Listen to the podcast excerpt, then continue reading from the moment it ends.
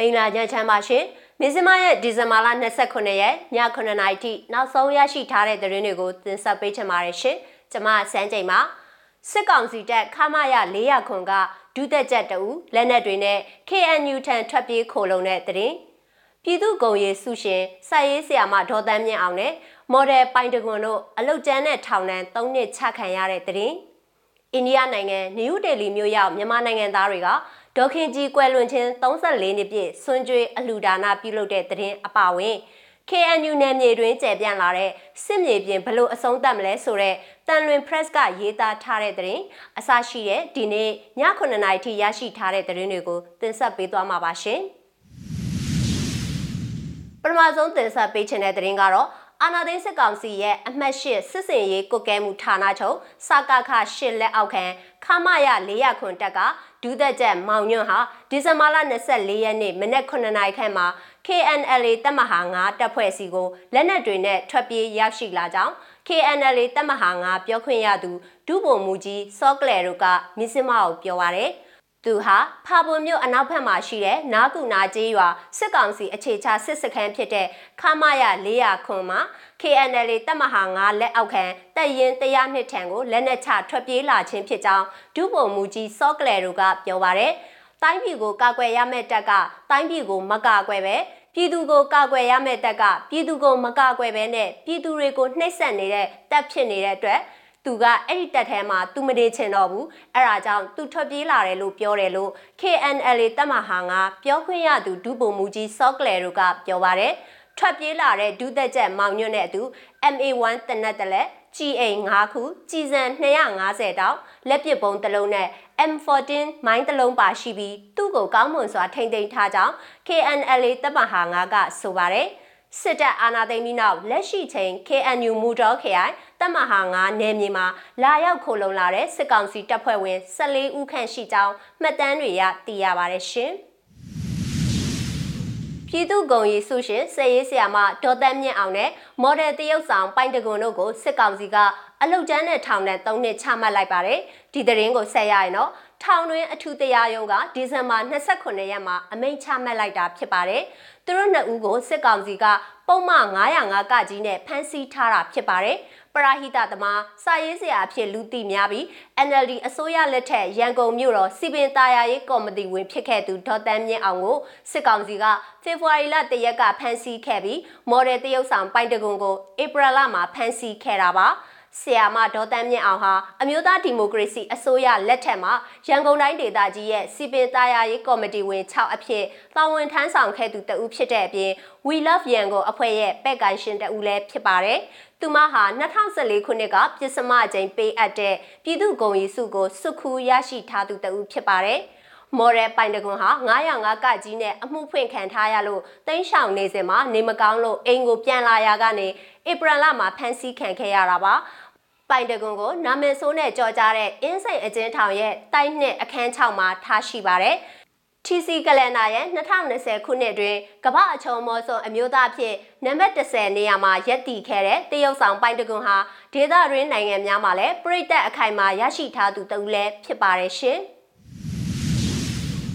အိန္ဒိယနိုင်ငံနယူးဒေလီမြို့ရောက်မြန်မာတွေကဒေါခင်ကြီးကွယ်လွန်ခြင်း34နှစ်ပြည့်ဆွန်ကျွေးအလူဒါနာပြုလုပ်တဲ့တဲ့ရင်ကိုလည်းတင်ဆက်ပေးချင်ပါတယ်။အိန္ဒိယနိုင်ငံနယူးဒေလီမြို့ရှိမြန်မာနိုင်ငံသားတွေကနိုင်ငံကောင်းဆောင်ဒေါ်အောင်ဆန်းစုကြည်အဖမ်းဆီးခံနေရတော့သူ့အနေနဲ့သူ့မိခင်အတွက်အမျှတမ်းဝေကုသိုလ်ကောင်းမှုတွေမလုပ်နိုင်တဲ့အတွက်သူ့ကိုယ်စားကျွန်တော်တို့နယူးဒေလီရောက်မြန်မာပြည်သားတွေကပြုလုပ်ခဲ့ကြတာပါလို့ NLD OC International Network India မှဥပတန်းကပြောပါတယ်။ အလှအခမ်းအနားကိုနှစ်ပိုင်းခွဲကျင်းပခဲ့ကြပြီးပထမပိုင်းမှာဒေါခင်ကြီးအပါဝင်ခေတ်ဆက်ဆက်ဒီမိုကရေစီနဲ့ဖက်ဒရယ်နိုင်ငံတည်ဆောက်ရေးအတွက်တိုက်ပွဲဝင်အသက်ဆွန့်သွားတဲ့အာဇာနည်သူရဲကောင်းတွေအတွက်တာရုခေါ်ဆိုနိုင်မှုတန်ဃာတော်တွေကအမျှပေးဝေခဲ့ပါတယ်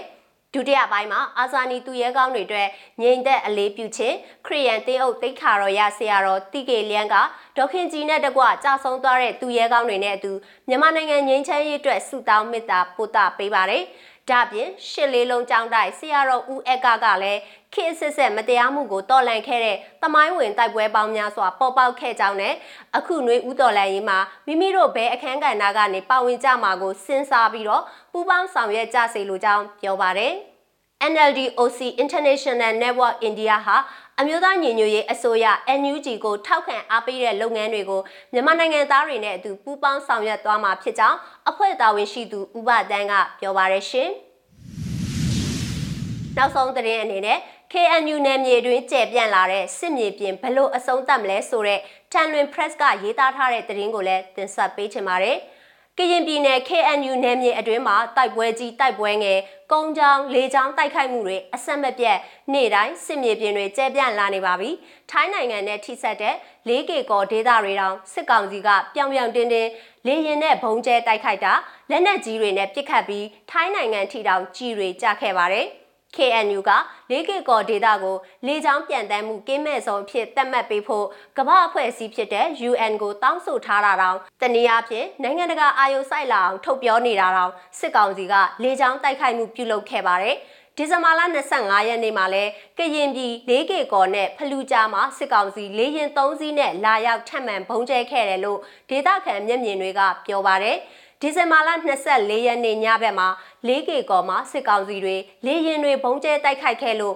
ဒေသခံတချို့ကထိုင်းနိုင်ငံထဲကိုထွက်ပြေးတိမ်းရှောင်ခဲ့ရပါတယ်။ လက်ရှိမှာတခြား KNU နယ်မြေတွေမှာလည်းစစ်ကောင်စီတပ်တွေကကားတွေလားတွေနဲ့လက်နက်နဲ့ရိတ်ခါအပြည့်စုံတက်လာတာတွေရှိနေပြီး KNU တပ်မဟာ9မှာဆိုရင်နေတိုင်းတိုက်ပွဲဖြစ်နေပါတယ်စစ်ကောင်စီရိတ်ခါစစ်တောင်းကို KNLA တပ်မဟာ9တပ်ဖွဲ့တွေကလည်းနေတိုင်းကြားဖြတ်တိုက်ခိုက်ခဲ့ပါတယ်ကျွန်တော်တို့ဘက်မှာနေတိုင်းရိတ်ခါတွေပို့နိုင်အောင်သူတို့စ조사နေတယ် အခုထိရှေ့တန်းတက်စခန်းကိုရိတ်ခါမရောက်နိုင်သေးဘူးတချို့တပ်ဖွဲ့ဝင်တွေစံပြုတ်တောက်နေရပြီတိုက်ပွဲကတော့နေတိုင်းဖြစ်တယ်လို့ KNLA တပ်မဟာ9တပ်မဟာမူဘုံမူချုပ်စောမှုဟဲကပြောပါတယ် ဒီဇင်ဘာလ23ရက်နေ့ကလည်းကရင်ပြည်နယ်ဖာပွန်ခရိုင်ခေါပုတ်ကျေးရွာအုပ်စုရှိမော်ဖိုးကျူးစစ်ကောင်စီတပ်စခန်းမှတပ်ဖွဲ့ဝင်တွေကို KNL တပ်မဟာ9တပ်ဖွဲ့ဝင်တွေကမိုင်းဆွဲတိုက်ခိုက်ခဲ့လို့စစ်ကောင်စီတပ်ဖွဲ့ဝင်9ဦးသေဆုံးခဲ့တယ်လို့ KNL တပ်ဖွဲ့ဝင်တအုပ်ကပြောပါရယ် စစ်ကောင်စီတပ်ဖွဲ့ဝင်တွေကိုရေသွားခတ်တဲ့နေရာမှာမိုင်းဆွဲတိုက်ခိုက်ခံရလို့9ဦးမှပွဲချင်းပြီးတေဆုံးခဲ့တယ်လို့ KNL တပ်ဖွဲ့ဝင်ကပြောပါတယ်။မော်ဖိုးကျိုးတပ်စခန်းဟာမဲခါထာနဲ့လဲသိုးစစ်ကောင်စီတပ်စခန်းအနီးမှာတည်ရှိပါတယ်။ဒါပြင်တပ်မဟာတဲ့တပ်မဟာနှစ်ဒေသတွေမှာလည်းစစ်ကောင်စီတပ်ဖွဲ့ဝင်တွေလှုပ်ရှားမှုတိုးချဲ့လာပြီးတိုက်ပွဲမကြာခဏဖြစ်ပွားလျက်ရှိပါတယ်။ လက်ရှိမှာစစ်ကောင်စီနဲ့ KNU ဟာအပြတ်သက်အနိုင်ရအောင်စစ်ခင်းနေတယ်လို့ KNU နဲ့နှီးဆက်တဲ့တိုင်းရင်းသားအရေးလေးလာသူတဦးကပြောပါတယ်။စစ်ရေးအရာအသာစီးယူပြီးတိုက်နေကြတယ်လို့သူကဆိုပါတယ်။ဒါပေမဲ့ KNU အနေနဲ့ခန်းစစ်မဟာဗျူဟာတစ်ခုပဲတုံပြီးတိုက်စစ်မြို့သိမ်းတိုက်ပွဲမစင်နွဲနိုင်ရင်တော့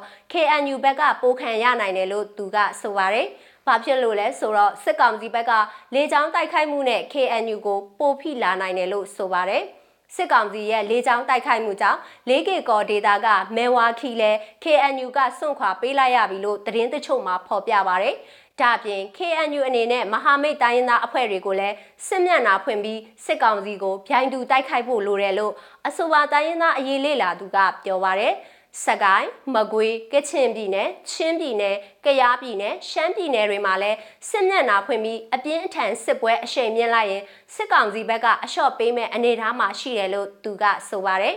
ဒါအပြင် PDF နဲ့ EAO အဖွဲ့တွေချိတ်ဆက်ပူးပေါင်းပြီးမြို့ပြတိုက်ပွဲတွေဆင်နွှဲဖို့လဲလိုအပ်နေပြီလို့သူကဆိုပါရရှင်။